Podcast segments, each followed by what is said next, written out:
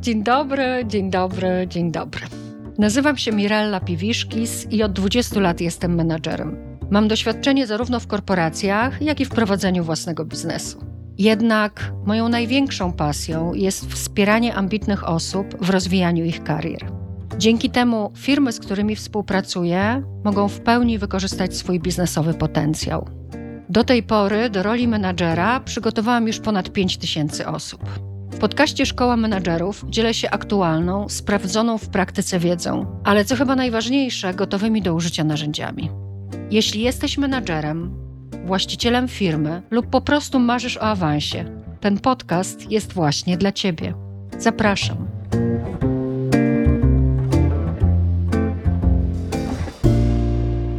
Oj, moi drodzy, już od dawna myślałam o tym, aby nagrać podcast dotyczący design thinkingu, czyli mojej naprawdę ukochanej metody pracy. Natomiast ponieważ jest to temat rzeka, a z drugiej strony spopularyzowany znowuż nie do końca profesjonalnie, to poszukiwałam punktu zaczepienia. Nie wiedziałam, jak podejść do tego tematu, w jakim kontekście Wam, liderom, pokazać design thinking jako przydatne narzędzie. Aż w końcu pewne doświadczenie spowodowało, że już wiem. A mianowicie jestem bardzo wiernym klientem firmy InPost, pewnie jak wielu z Was. W design thinking takie osoby jak ja, które korzystają z InPosta średnio trzy razy w tygodniu, nazywa się heavy userami, czyli osobami, które naprawdę często korzystają z usług czy produktów danej firmy. Ja właśnie tak korzystam e, z InPosta. Jednakże ostatnio zamawiam wiele więcej dużych i ciężkich paczek. Głównie jest to jedzenie dla moich zwierzaków. I już trzykrotnie miałam takie doświadczenie, że moja duża i niezwykle ciężka paczka, zawierająca 50 puszek, była umieszczana w punkcie odbioru na najwyższej półce. Do tego przez kierowcę wciskana na siłę, żeby się zmieściła. W związku z czym ja, malutka, tam 1,70 m, nie byłam w stanie wyciągnąć tego pudełka i nie byłam w stanie nawet koniuszkami palców go dotknąć. Byłam zmuszona zatem dzwonić po mojego syna, który jest wyższy i silniejszy, żeby mi pomógł. I słuchajcie, właśnie to moje doświadczenie, doświadczenie heavy usera spowodowało, że podjęłam decyzję po raz pierwszy od kiedy korzystam z Imposta, by jako formę dostawy przy przesyłkach ciężkich i dużych, których mam naprawdę sporo, korzystać jednak z kuriera, który dostarczy mi ten produkt pod drzwi. I jeszcze raz chcę podkreślić, nie dotyczy to tego, że produkt jest ciężki, czyli nie charakterystyka produktu, która jest niezależna od impostu, ale z mojej perspektywy jako użytkownika, nieprzemyślane rozmieszczenie półek o dużych rozmiarach w punktach odbioru jest źródłem tego, że InPost w pewnym obszarze stracił klienta.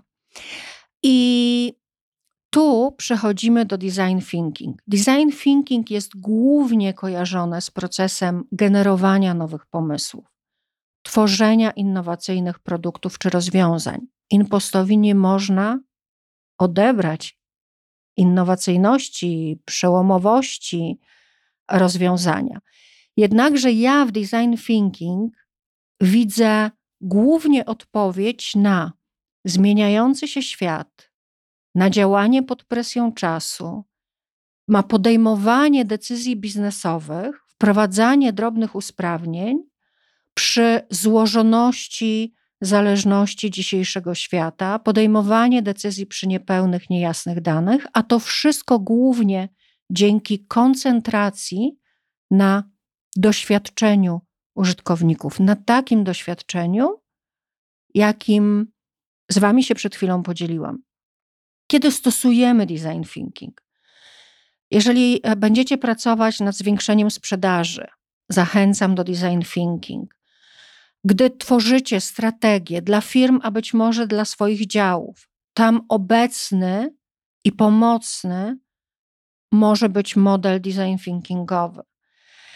Oczywiście zawsze, kiedy poszukujecie pomysłów na nowy produkt, na usługę, na aplikację i zawsze, gdy pojawia się przed Wami wyzwanie, problem, szukacie rozwiązania, czy to jest problem komunikacyjny, logistyczny, motywacyjny, czy związany z utratą klientów. Jeśli przed Wami takie problemy bądź takie wyzwania, to dzisiaj chętnie opowiem o design thinking jako metodzie rozwiązywania problemów, podejmowania decyzji i rozwoju biznesu w warunkach permanentnej zmiany oraz presji czasowej. Zapraszam.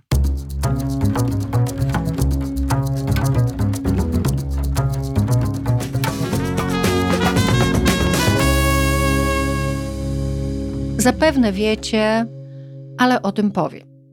Metoda design thinking składa się z pięciu kroków. Pierwszym jest etap empatii, czyli właściwie docierania do prawdziwych potrzeb i problemów interesariuszy, bo nie tylko użytkowników waszych produktów czy usług. To mogą być pracownicy na przykład.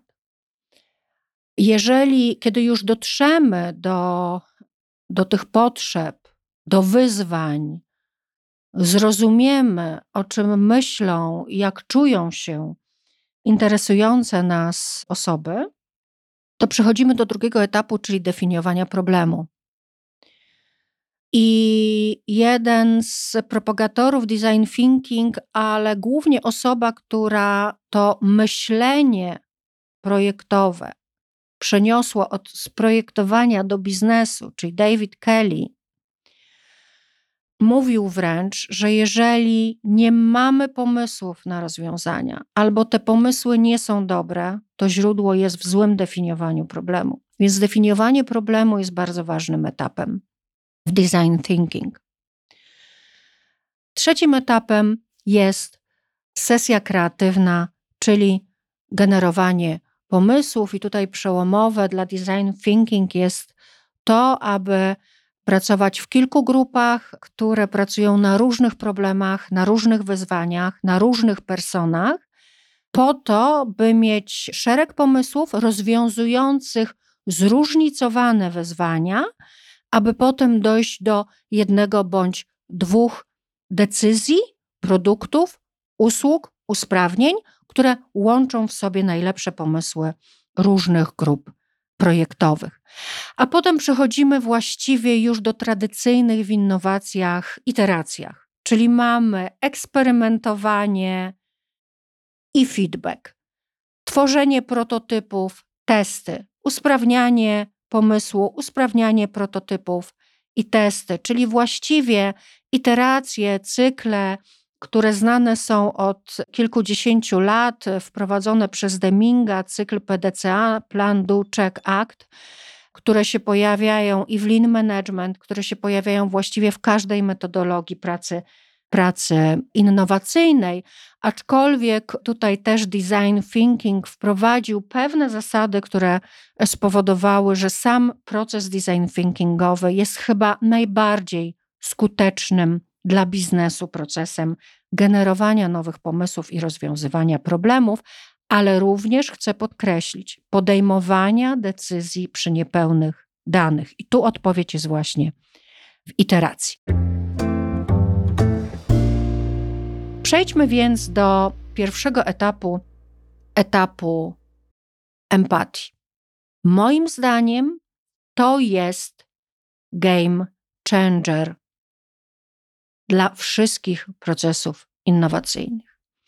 My, jako doświadczeni liderzy, niektórzy z nas doświadczeni biznesmeni, uważamy, mamy przekonanie, że trzymamy rękę na pulsie naszego biznesu.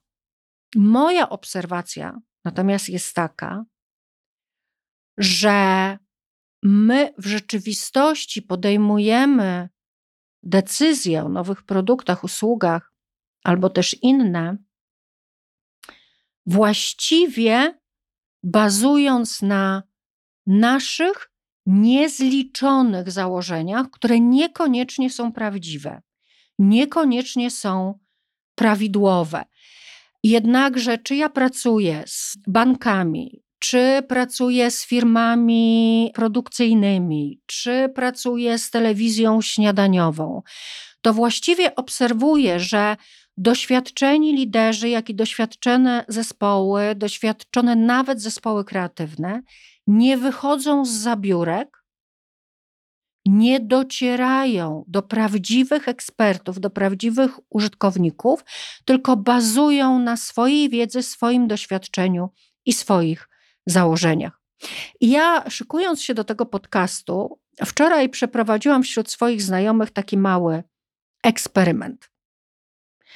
Zapytałam swoich znajomych, jak myślą, dlaczego ludzie nie sprzątają po swoich pupilach kup strawników albo schodników. Tymi znajomymi były osoby bez psów, albo też osoby, które faktycznie te kupy zbierają.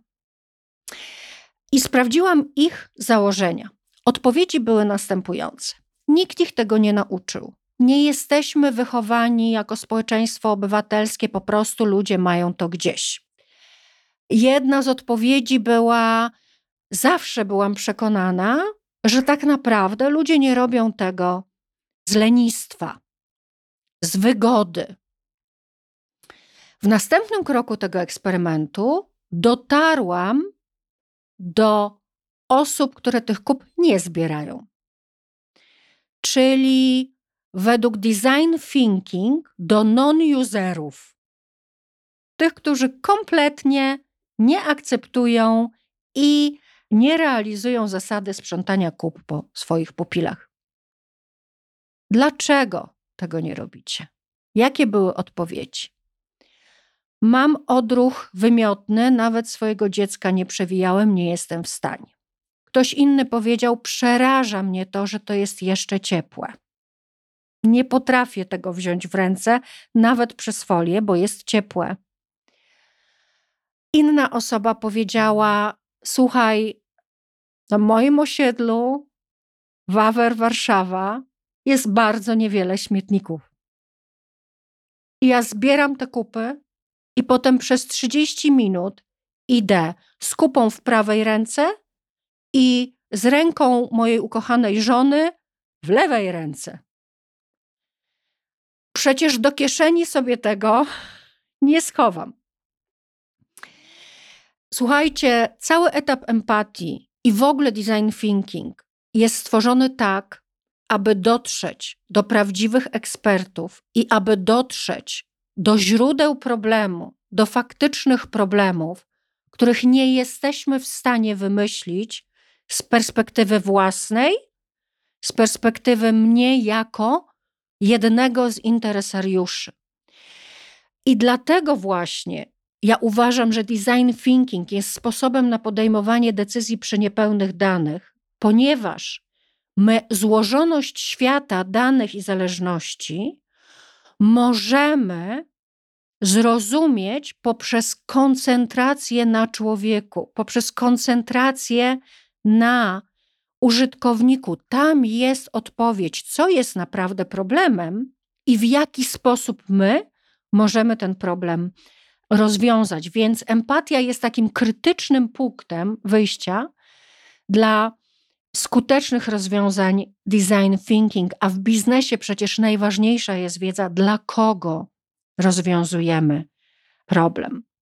Więc na tym etapie rolą waszą jako liderów czy też zespołów produktowych jest zrozumienie potrzeb, barier, postaw, aspiracji konsumentów ale nie tylko ich, również innych interesariuszy, że tak, że tak nazwę, całego procesu. Należy więc odłożyć na bok swoje założenia i zebrać prawdziwe spostrzeżenia, które są istotne dla naszego wyzwania i przydatne potem dla pracy zespołu projektowego. Więc faktycznie jest tak, że w design thinking skupiamy się po pierwsze na userach, czyli mamy heavy userów. To będą ci, którzy zawsze zbierają kupy, niezależnie od tego, gdzie są i czy mają torebkę, czy nie. Jak mój piesek zrobi kubkę na spacerze więcej razy niż ilość torebek w mojej kieszeni, to ja zbieram te kupy liśćmi. Więc heavy userzy to są ci, którzy są zdeterminowani, by korzystać z produktu, korzystać z usługi albo na przykład zbierać kupy. Non-userzy to jest ta druga grupa, w której tkwi odpowiedź, gdzie jest tak naprawdę problem. Non-userem jest ten, który kupy nie zbiera. I tam też są odpowiedzi, dlaczego oni tej kupy nie zbierają.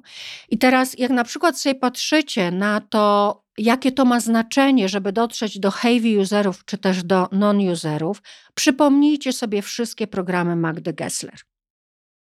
Gdy ona interweniuje w restauracjach, tak od kupy do restauracji przeszłam, trochę się wiąże.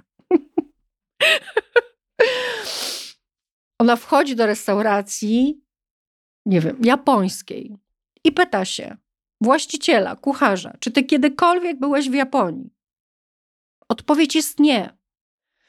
Wchodzi do restauracji włoskiej, pyta się, czy kiedykolwiek byłeś we Włoszech? No nie, no ale przecież wiem, jak się robi pizzę i przecież wiem, jak się robi makaron. Nie wiesz, ponieważ nie miałeś kontaktu z heavy userami. Pojedź do Włoch i zobacz, do czego służy łyżka przy spaghetti. Nie do tego, żeby w niej kręcić widelcem, tylko do tego, żeby potem łyżką dokończyć posiłek, bo dużo pysznego sosu zostaje i tych małych kawałków makaronu, mięsa, krewetek, czegokolwiek. Pojedź do Japonii i zobacz, jaka jest różnica między, nie wiem, ramenem a jakimś innym makaronem. Zorientuj się, jak w Japonii pokazuje się różnice pomiędzy tymi makaronami, po to, Boże, przepraszam, że nazywam to makaronami, bo znawcy kuchni japońskiej mogą mieć z tym problem, ale pomiędzy tymi daniami, jaka jest różnica i jak w Japonii prezentuje się to turystom, żeby zrozumieli, nawet nie znając języka, co zamawiają, a robi się to poprzez niezwykłą ilość pięknie wykonanych zdjęć, a nawet poprzez prezentowanie mock-upów dla, dla klientów. Więc e, pierwszymi, do których docieramy, są heavy userzy i non-userzy, ale to nie są jedyni interesariusze. Bo jakbyśmy wrócili z restauracji do kupy, kto jeszcze jest interesariuszem, czyli kto ma wpływ na to, że te odchody są na trawnikach bądź nie. Myślę sobie, że interesariuszem będą również ci, którzy na przykład właśnie projektują rozlokowanie śmietników, ci, którzy projektują osiedlowe trawniki, Idąc dalej, może nasze założenie, że rozwiązaniem jedynym możliwym jest zbieranie kup przez właścicieli, jest złe. Bo być może, jakbyśmy porozmawiali z innymi interesariuszami, na przykład mamy, które mają dzieci i które zimą uwielbiają robić w śniegu aniołki, i potem okazuje się, że aniołek ma niespodziankę na sobie. Albo też ci, którzy chodzą z kijkami po ścieżkach leśnych i też potem wracają z butami, które ciężko wyczyścić, to może się okazać, że być może sprzątanie przez właścicieli nie jest jedynym rozwiązaniem. Może jeśli nie chcą tego robić właściciele, to mogliby mieszkańcy osiedla złożyć się na kogoś, kto będzie raz dziennie chodził po osiedlu i zbierał te kupy, a właściciele zamiast torebek będą używać tabliczek. Tu jest kubka i tu jest kubka, żeby im było łatwiej. Słuchajcie, dotarcie do wszystkich, którzy mają wpływ na proces, wszystkich, którzy mają wpływ na usługę, wszystkich, którzy mają wpływ na, na działanie produktu, jest docieraniem do prawdziwego problemu przez obserwację albo przez wywiad.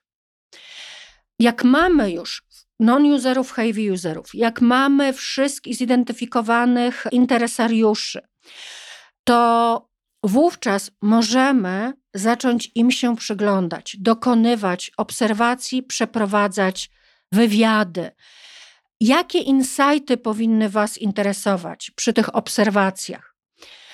Po pierwsze, najważniejsze, jakie są ich doświadczenia, jakie są ich motywacje. Zwróćcie uwagę, gdzie pojawiają się emocje. Bardzo istotnym jest, żeby na przykład szukać wewnętrznych sprzeczności. Na przykład, to jest mój przykład, kiedy pracowałam z pewną siecią fitness klubów. Szukaliśmy u heavy userów motywatorów do tego, dlaczego korzystają z usług. No i heavy userzy podkreślali, bo chcemy być zdrowi, bo po prostu chcemy się ruszać, bo chcemy ładnie wyglądać, bo sport to zdrowie, bo ruch to dobry wygląd. A z drugiej strony, moi drodzy, ci wszyscy, którzy, znaczy no nie wszyscy, ale wielu, którzy korzystali z siłowni i tam przebiegali kilometry na bieżni, jak wjeżdżali na parking przy klubie, to najważniejsze było, żeby znaleźć miejsce parkingowe jak najbliżej wejścia. Dlaczego? Przecież ruch to zdrowie. Powinni parkować gdzie indziej. To jest bardzo ciekawy insight, który może nam zburzyć pewne założenie dotyczące potrzeb ludzi korzystających z fitness clubów. Warto zwracać uwagę na to, co Was zadziwia, to czego sami byście nie wymyślili. My mamy tendencję do tego, żeby ignorować informacje, które do nas docierają z punktu widzenia naszego know-how jako ekspertów. I tu kolejny przykład. Kiedy jeździłam ewokiem, to bardzo często miałam taki problem, że otwierał mi się bagażnik w trakcie jazdy. Ja często jeździłam do serwisu, mówiłam, słuchajcie, zróbcie coś z tym. Ten samochód był na przeglądzie, oni sprawdzali, mówili, wszystko jest ok. Normalnie działa zamek, nic się nie dzieje. I gdzieś po sześciu miesiącach dopiero zorientowałam się, że, że przycisk do otwierania bagażnika był w tak niefortunnym miejscu, że ja wsiadając za kierownicę kolanem go przyciskałam i potem w trakcie jazdy bagażnik się otwierał. I ja z tą informacją zadzwoniłam do serwisu, któryś mnie bardzo dobrze znał. I wiecie, jaka była reakcja? To nie był dla nich wartościowy insight. Dla nich to było zabawne, że jestem na tyle niezorientowana, że nie zdałam sobie sprawy, że ha, ha, ha, sama otwiera bagażnik. A tak naprawdę ha, ha, ha oznacza to, że jest błąd konstrukcyjny, jeżeli kierowca kolanem otwiera bagażnik. I to jest insight, na który design thinkingerzy, design thinkingujący powinni zwrócić uwagę i natychmiast nad tym popracować, bo tego z perspektywy swojego biurka nie doświadczą. Efektem empatii jest insighty dominujące tematy, niespodziewane, zaskakujące informacje albo wypowiedzi waszych person, osób, z którymi rozmawiacie lub obserwujecie, które wykorzystujecie do drugiego etapu, jakim jest zdefiniowanie problemu.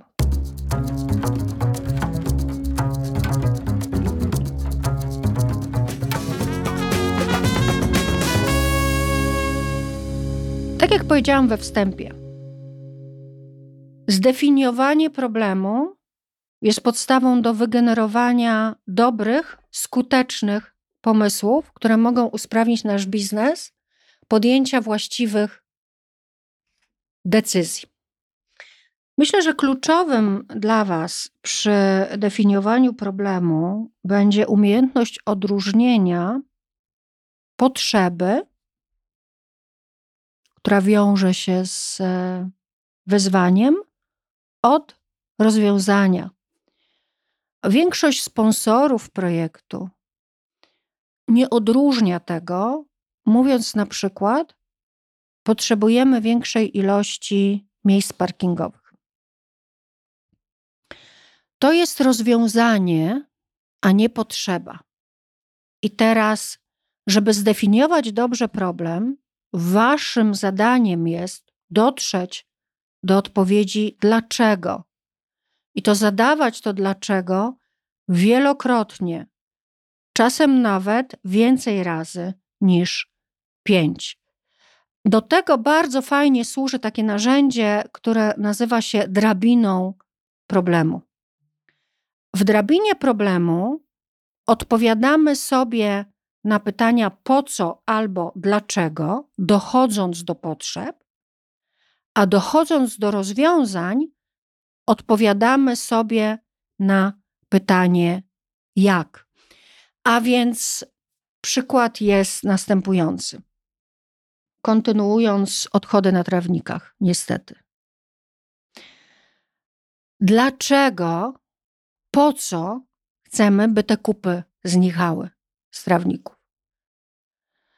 Bo nie chcemy wdeptywać w nie, bo nie chcemy, żeby dzieci przynosiły do domów, bo nie chcemy, żeby rozwijały się wirusy i inne pasożyty się pojawiały u dzieci, które na przykład jeszcze próbują, co tam jest na trawie. Bo nie chcemy brzydkich trawników, bo chcielibyśmy, aby trawniki wyglądały ładnie, bo chcielibyśmy widzieć, spoglądać na ładne widoki. Rozwiązania natomiast odpowiadają na pytanie jak. Jak moglibyśmy to zrobić, żeby tych kup nie było?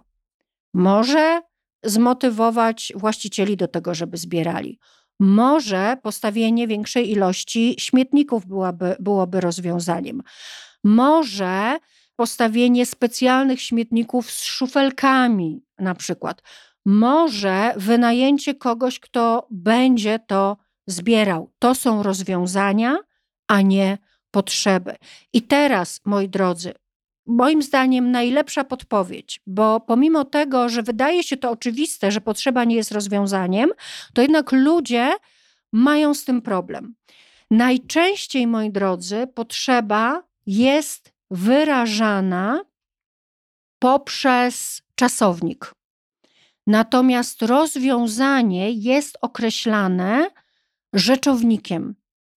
Bardzo często jest to rzeczownik odczasownikowy, ale jednak mamy tendencję do opisywania rozwiązania rzeczownikiem, czyli czasownik, żeby dzieci nie wdeptywały, tak? Czyli dlaczego chcemy? Ponieważ dzieci wdeptują, ponieważ rozwijają się wirusy, tak? Tam są potrzeby, tam są problemy. Rozwiązania większa ilość śmietników, wynajęcie specjalnych służb, rozdawanie tabliczek właścicielom, rozdawanie torebek, czy też po prostu torebki foliowe dostępne. Tu są rzeczowniki. I teraz, jak definiujemy problem design thinking, to sprowadzamy problem do jednego zdania, które zmusza nasz mózg do poszukiwania rozwiązania, a mianowicie, jak moglibyśmy pomóc użytkownikowi, tej naszej personie z empatii, tej naszej osobie, z którą rozmawialiśmy, aby zaspokoić jej potrzebę, tak? Czyli na przykład jak moglibyśmy zaspokoić potrzebę Ani nienoszenia kupy przez 15 minut w ręce, tak aby te kupy zbierała. Czyli to jest odpowiedź na problem, na potrzeby non-usera. Albo inaczej sformułowane, jak moglibyśmy spowodować, by Iksiński zbierał kupy, nie musząc ich nosić przez 15 minut w ręku.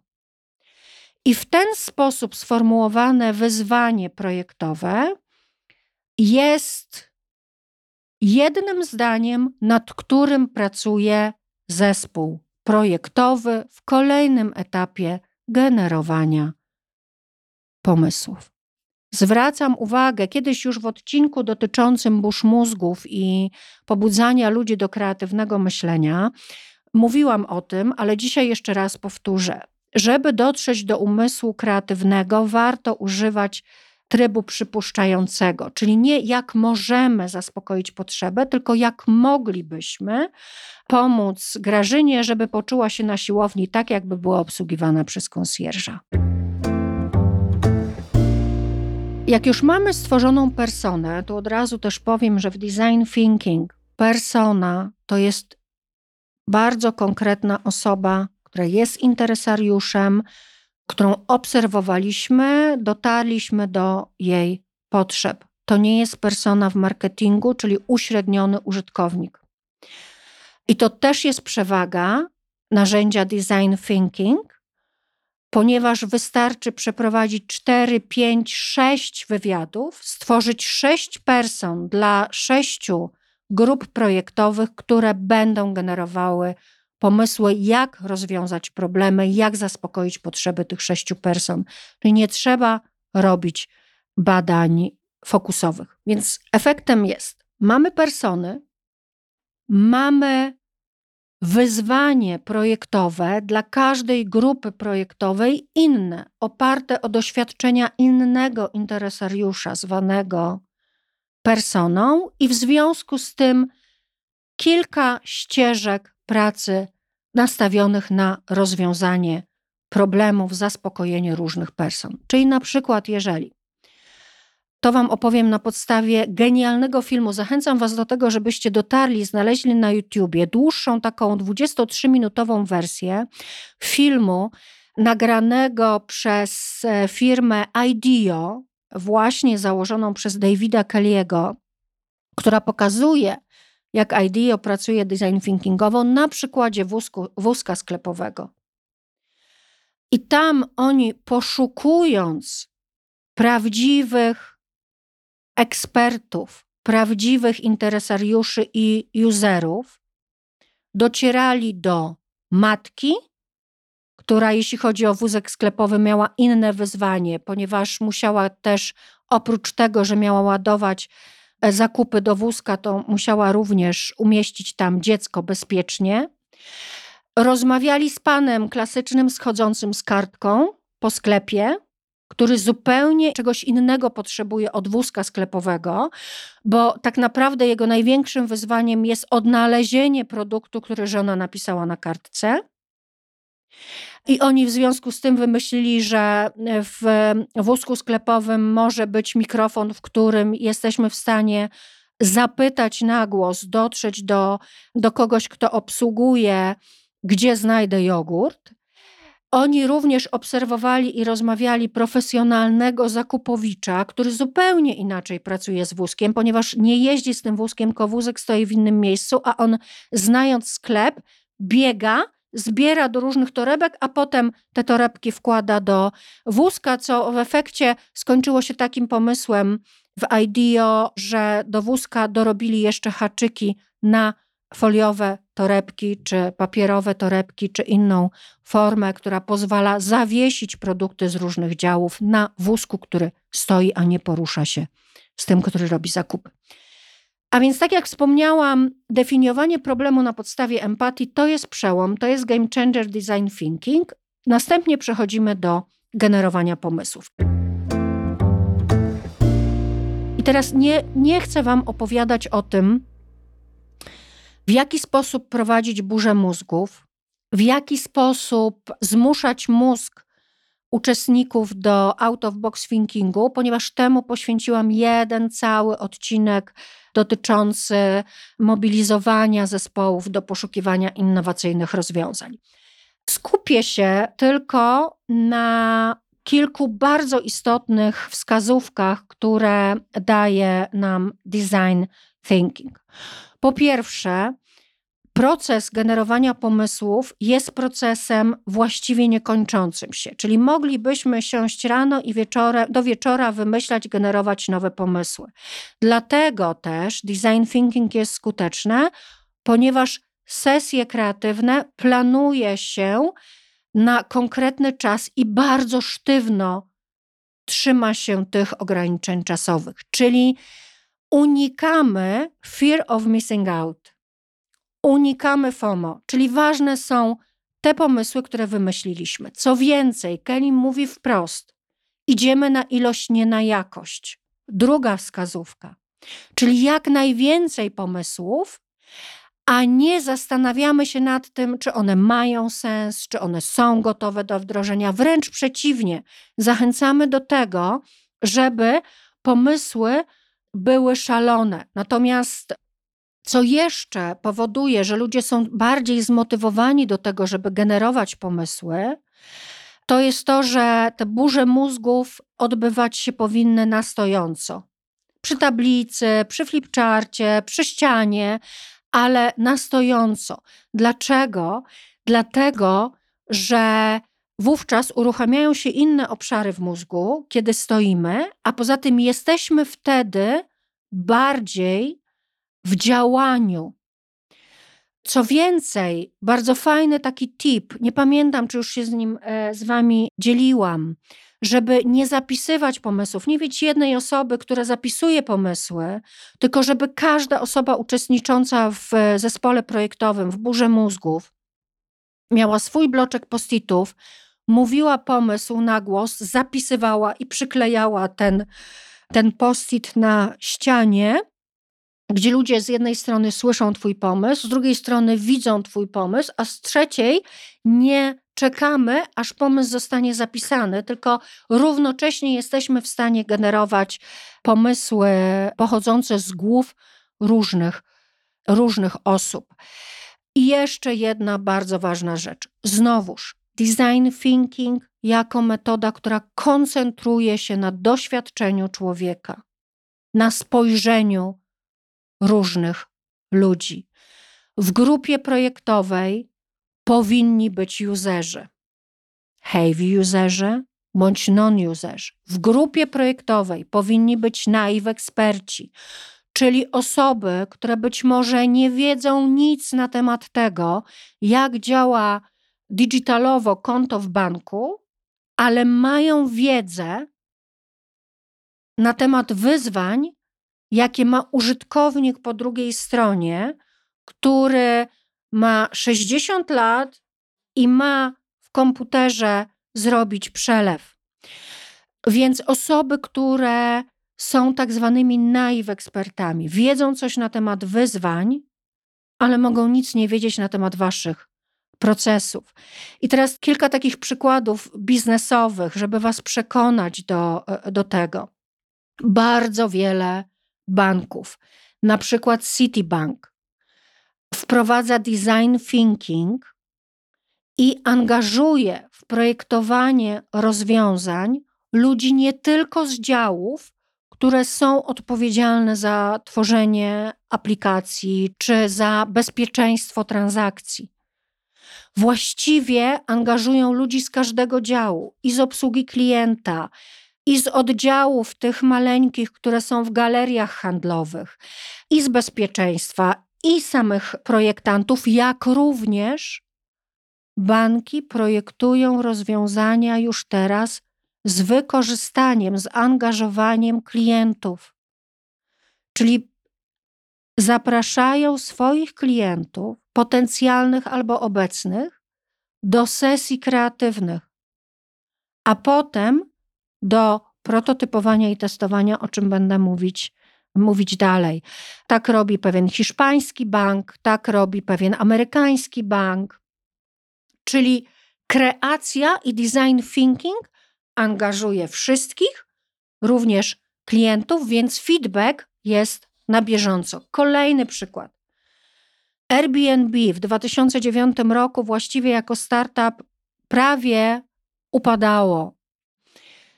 I to, na co zdecydowali się założyciele, to odejść od komputerów, odejść od programowania, testowania i wyjść do ludzi, którzy są potencjalnymi użytkownikami, jak również porozmawiać z innymi interesariuszami, którymi są ci, którzy mieszkania swoje wynajmują. Wszystko działo się w Nowym Jorku.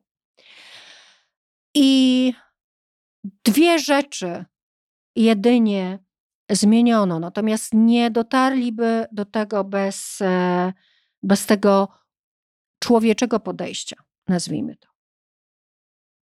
Po pierwsze, okazało się, że potencjalni użytkownicy, którzy chcieliby wynająć mieszkanie, turyści, biznesmeni, mówili, że nie widzieli właściwie żadnych różnic pomiędzy różnymi ofertami, oprócz różnic cenowych i właściwie tego, jaki jest metraż, ile jest sypialni, jakie jest wyposażenie, natomiast to czerpali z opisów.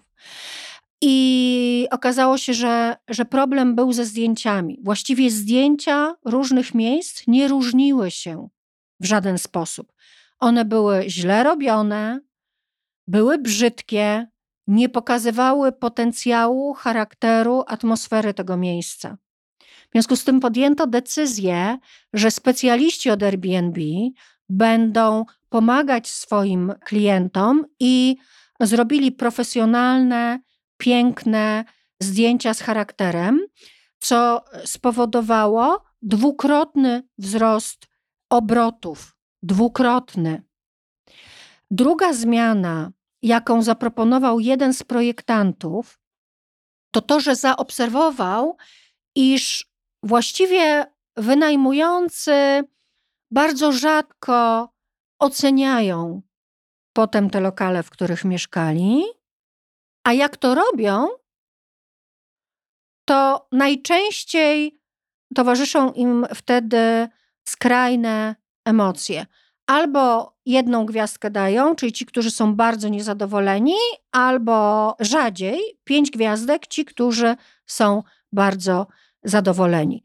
I teraz zamieniono gwiazdki na serduszka. Serduszka, które bardziej angażują emocjonalnie i bardziej kojarzą się z pozytywną informacją zwrotną niż z negatywną informacją zwrotną.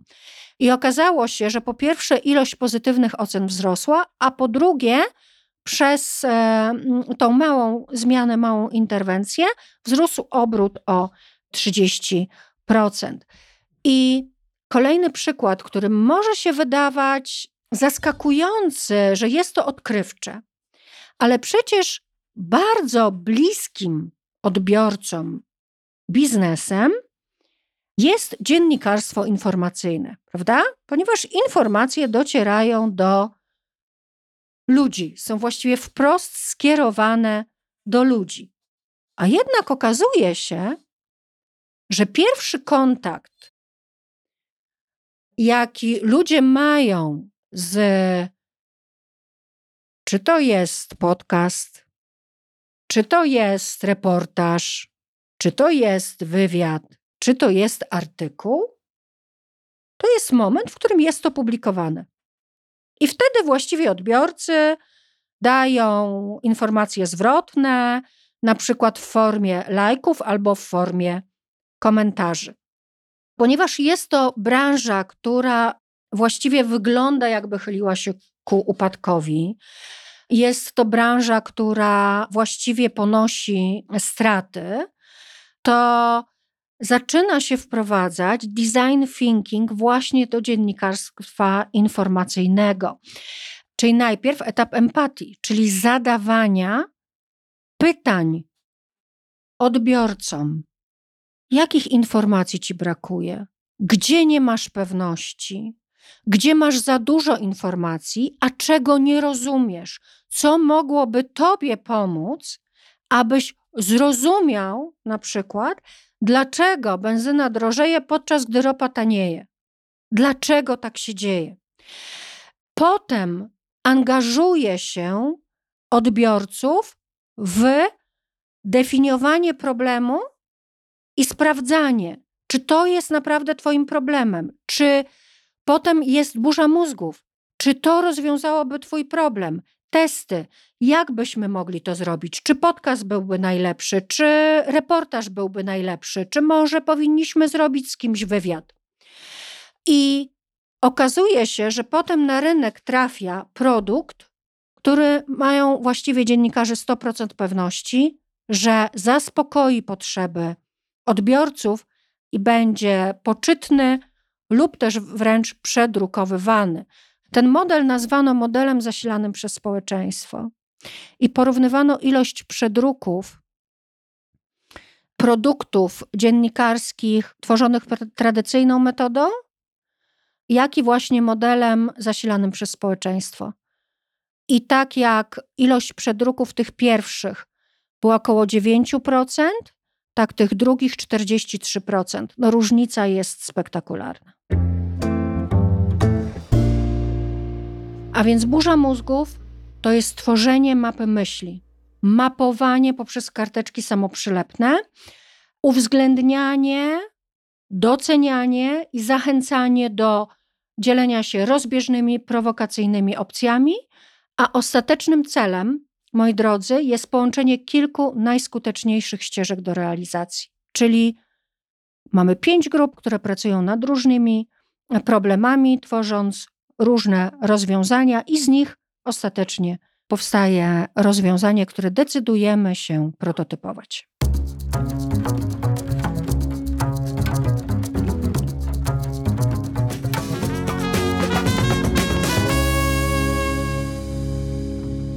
I w ten oto sposób docieramy do czwartego i piątego etapu, czyli prototypowania i testowania. Można to nazwać po prostu eksperymentowaniem. Nie będę dużo mówić na temat samych prototypów, rodzajów prototypów, mock-upów 2D, 3D, ponieważ temu też poświęciłam jeden z odcinków e, swojego podcastu. Natomiast dla mnie najważniejszym jest, żebyście pamiętali o funkcji prototypu. Prototyp nie służy temu, żeby pokazać, jaki genialny pomysł mieliście. Prototyp służy temu, aby sprawdzić, o czym nie pomyśleliście, gdzie są luki w myśleniu, czego nie przewidzieliście, na jakie, jakich pytań sobie nie zadaliście, na jakie pytania nie znaleźliście odpowiedzi. Czyli prototyp powoduje, że ten pomysł nasz jest doprecyzowany.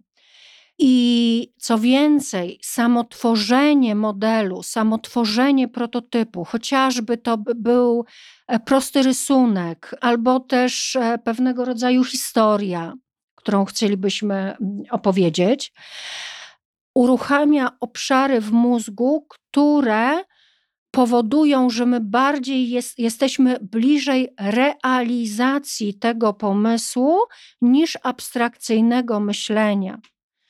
I to moim zdaniem też jest rzecz, którą bardzo chciałabym, żebyście zapamiętali, kiedy macie wątpliwości. Design thinking ja osobiście bardziej nazwałabym design acting albo design doing, ponieważ te inspiracje nie są efektem myślenia, tylko są efektem działania. Zobaczcie, odchodzimy od komputerów, rozmawiamy z ludźmi, dokonujemy obserwacji, ruszamy się z postitami w burzy mózgów, rysujemy drabiny, a w końcu tworzymy prototyp, czyli wykonujemy pracę manualną. Ona powoduje, że ten pomysł jest coraz bardziej doprecyzowany, czyli my jesteśmy w ruchu, my jesteśmy w działaniu, a nie w myśleniu i w gadaniu. I słuchajcie, przy tym prototypowaniu i potem feedbackowaniu właściwie docieramy do podejmowania decyzji w rzeczywistości WUKA przy niepełnych danych. Na to również odpowiedzią jest właśnie to iteracyjne design, e, myślenie projektowe. Ponieważ my, jako liderzy, no przede wszystkim, w ogóle jako ludzie, dążymy do usunięcia jak największej niepewności, zanim podejmiemy decyzję. Ludzką rzeczą jest unikanie błędów. Jesteśmy nauczeni tego, żeby rozważać wszystkie opcje, aby znaleźć idealne rozwiązanie, żeby przypadkiem się nie pomylić. Jednak unikanie ryzyka ma swoją cenę. To jest czas i energia potrzebna do zdobycia informacji w celu zmniejszenia niepewności. Spotkania, pomiary, gromadzenie danych, raportowanie wyników.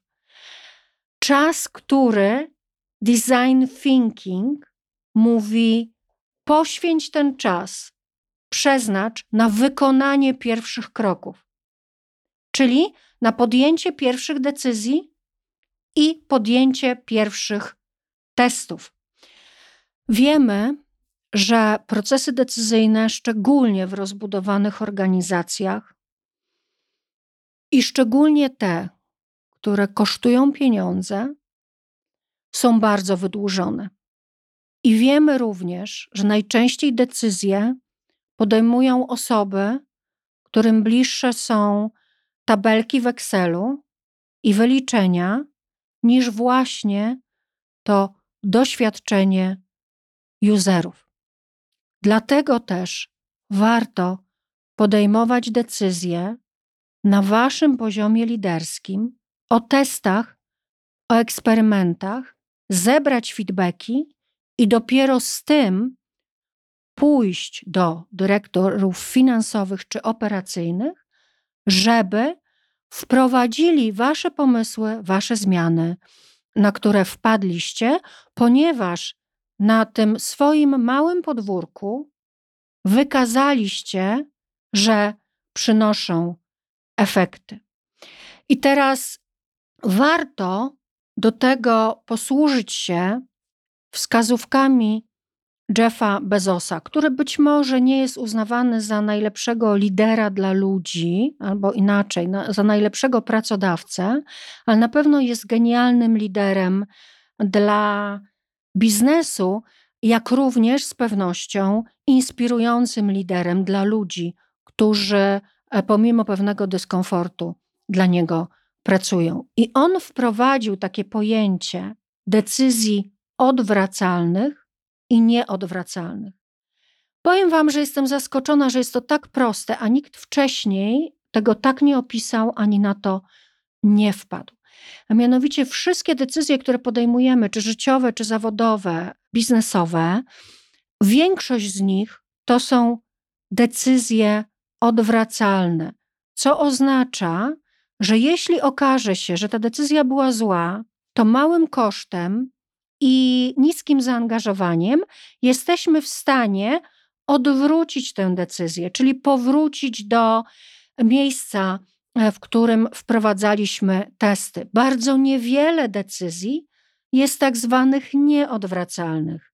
One-way ticket, czyli przechodzimy przez te drzwi i bardzo trudny i kosztowny będzie powrót. I teraz, żeby, żeby dać Wam przykład. Idziecie do sklepu, nie ma takiej szynki, która, którą zawsze jecie. No to musicie podjąć decyzję. Niektórzy naprawdę spędzają na tym 15 minut, którą wybrać. Czy to jest warte, żeby poświęcać analizę i czas na to, żeby 15 minut, żeby podjąć decyzję, którą alternatywną szynkę wziąć? Podejmujemy szybko decyzję, ponieważ ona jest decyzją odwracalną. Będziesz już wiedzieć, jeżeli będzie niesmaczna, że będziesz kupował następnym razem inną szynkę. Natomiast jeżeli chcesz sobie zrobić tatuaż, to to jest bardziej decyzja nieodwracalna. W związku z czym raczej warto poświęcić więcej czasu na większą ilość testów, na większą ilość eksperymentów i na pewnego rodzaju analizę, czyli na przykład wymyślić sobie ten tatuaż i najpierw zrobić go henną i pochodzić z nim dwa tygodnie, a potem go poprawić henną i pochodzić w nim kolejne dwa tygodnie i sprawdzić, czy po dwóch miesiącach nadal tak bardzo Wam się podoba, zanim podejmiecie tę ostateczną decyzję. A więc, jeżeli macie decyzje odwracalne, to podejmijcie te decyzje mając 70% informacji. To rekomenduje Jeff Bezos. Jeżeli chcecie dotrzeć do 90%, to to jest wyraźny koszt, który obciąży wasz budżet, jeśli chodzi o czas, zaangażowanie ludzi, którzy nad tym myślą albo robią badania upewniające nas, że ta decyzja była, była właściwa. A więc, kiedy skutki są odwracalne, podejmujemy szybko decyzje, gromadząc raptem 70% informacji. Dlaczego? Dlatego, że jeżeli podjęliście decyzję, która nie jest optymalna, która jest odwracalna, to nie musisz długo żyć ze, z konsekwencjami, tylko wracasz do tego. I teraz oczywiście znowuż. Mamy wielki problem z ego i mamy wielki problem z błędami. Natomiast nie nazywajcie tego błędem, nazywajcie to testem, czyli sprawdzeniem, czy ta decyzja przyniesie nam spodziewane efekty, czy nie. Jeśli jest tania i łatwa do cofnięcia, po prostu ją podejmijcie. Jeśli natomiast koszt popełnienia błędu jest wysoki, a czas poświęcony na podjęcie decyzji jest tego wart, warto dołożyć starań, aby dokonać właściwego wyboru, i tu nadal mówimy o testach.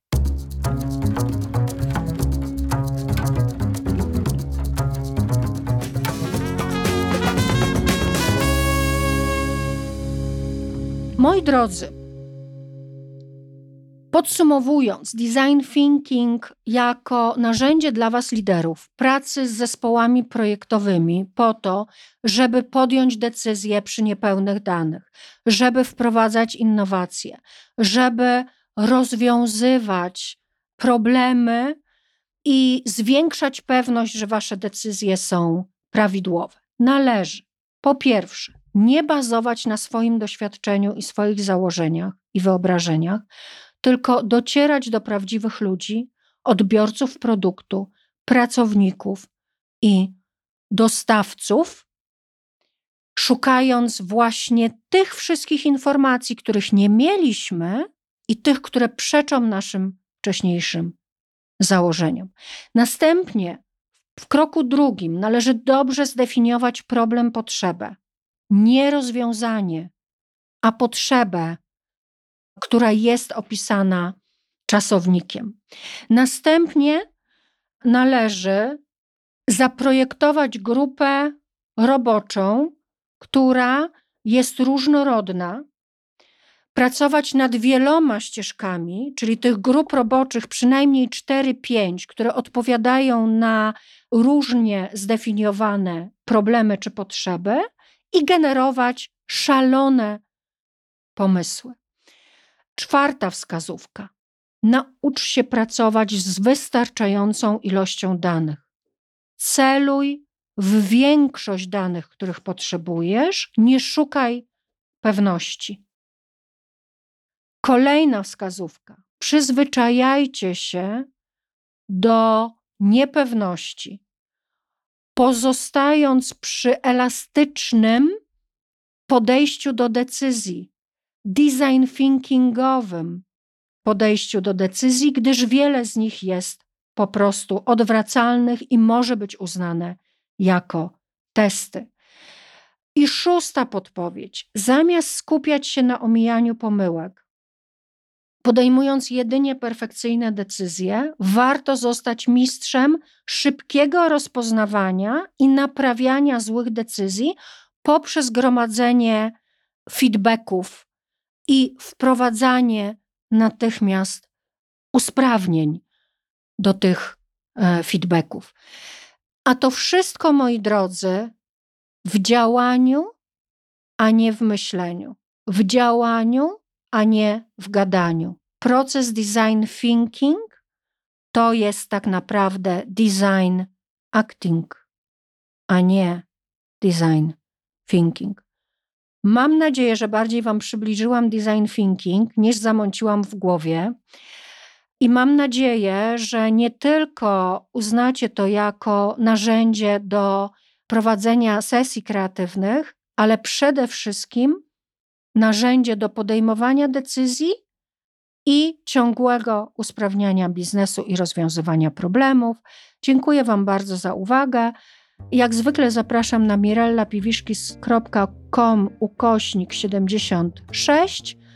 Tam znajdziecie notatki do odcinka, tam znajdziecie przykłady mapy empatii, jak może być rozpisana persona, jak również jak wygląda drabina problemu, co pomoże Wam odróżnić problem od rozwiązania. Serdecznie dziękuję i zapraszam, mam nadzieję, za tydzień.